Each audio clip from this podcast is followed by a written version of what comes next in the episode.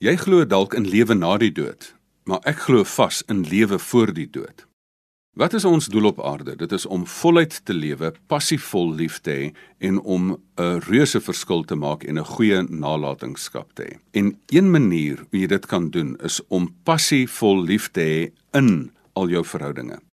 Wat is hel op aarde? Mens kan hel en hemel op aarde beleef. Hel op aarde is alleenheid, maar hemel op aarde is intimiteit van koneksie, van regtig daar wees, van kontak maak met iemand. Ons hoef nie dus tot na die dood te wag om hel of hemel op aarde te beleef nie. Ons kan dit nou reeds beleef.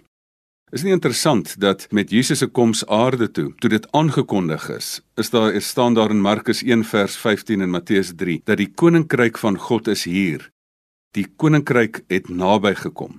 En ons kan vandag kan ons tekens van die koninkryk kan ons oprig.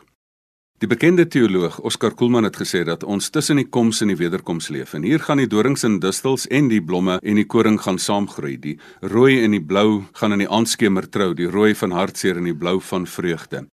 Maar ons kan in hierdie tyd kan ons tekens van die koninkryk oprig. Ons kan passievol lief hê.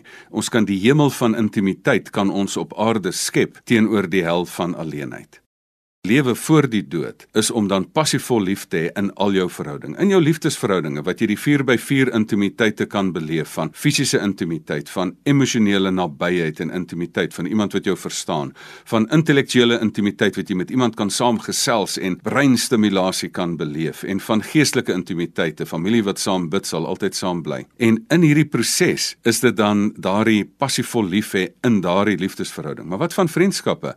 Dat jy dit sal geniet van niks so lekker soos om in vriendskappe passievol te leef nie en dit op aarde nou te geniet nie.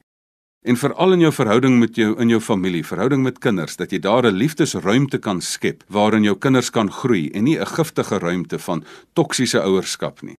Hoekom moet ons halfhartig leef? Ek glo in lewe voor die dood. Kan ons nie heelhartig lief hê nie? Kan ons nie weer soos die weer bruisend leef, soos daardie Nederlandse sanger wat sing met heel my hart en siel hou ek van jou? Daar is geloof, hoop en liefde en geloof gaan oorgaan in aanskoue en hoop gaan eendag vervul word.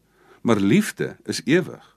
Maar die goeie nuus is, liefde is reeds teenwoordig op aarde, want God wat liefde is, het reeds aarde toe gekom en daarom kan ons tekens van daai koninkryk van voluit leef, lewe voor die dood kan skep op aarde, dat ons dit kan teenwoordig maak in al ons verhoudinge. Hê passievol lief in elke verhouding wat jy het.